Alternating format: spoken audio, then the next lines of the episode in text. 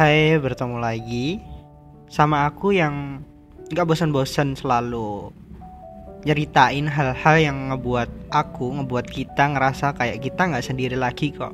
Kita masih bisa cerita, kita masih bisa ngejalanin semua ini sendiri. Ya karena ada banyak hal-hal yang harus kita nggak papain. Langsung saja malam ini aku mau cerita ke kalian. Hai, bertemu lagi via suara bareng aku di podcast dua hati. Pernah gak sih kalian ngerasa tiba-tiba jatuh hati, tiba-tiba jatuh cinta sama sama orang yang gak kita sangka?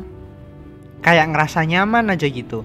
Kalau kita ngobrol sama dia, komunikasi sama dia, jalan sama dia, kayak hari-hari kita tuh selalu indah, selalu indah kalau ada dia gitu. Kita kita salah nggak sih suka sama orang secepat ini? Suka sama orang yang mungkin belum selesai sama masa lalunya. Intinya, jangan confess. Jangan pernah confess.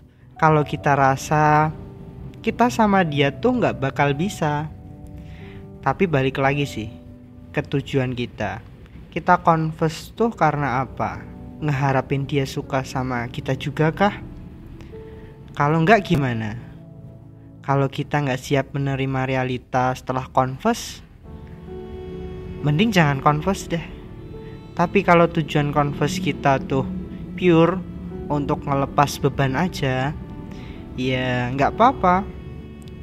Dan kalau kita pengen tetap baik-baik saja sama dia ya pendem aja daripada kita jauh sama dia kan.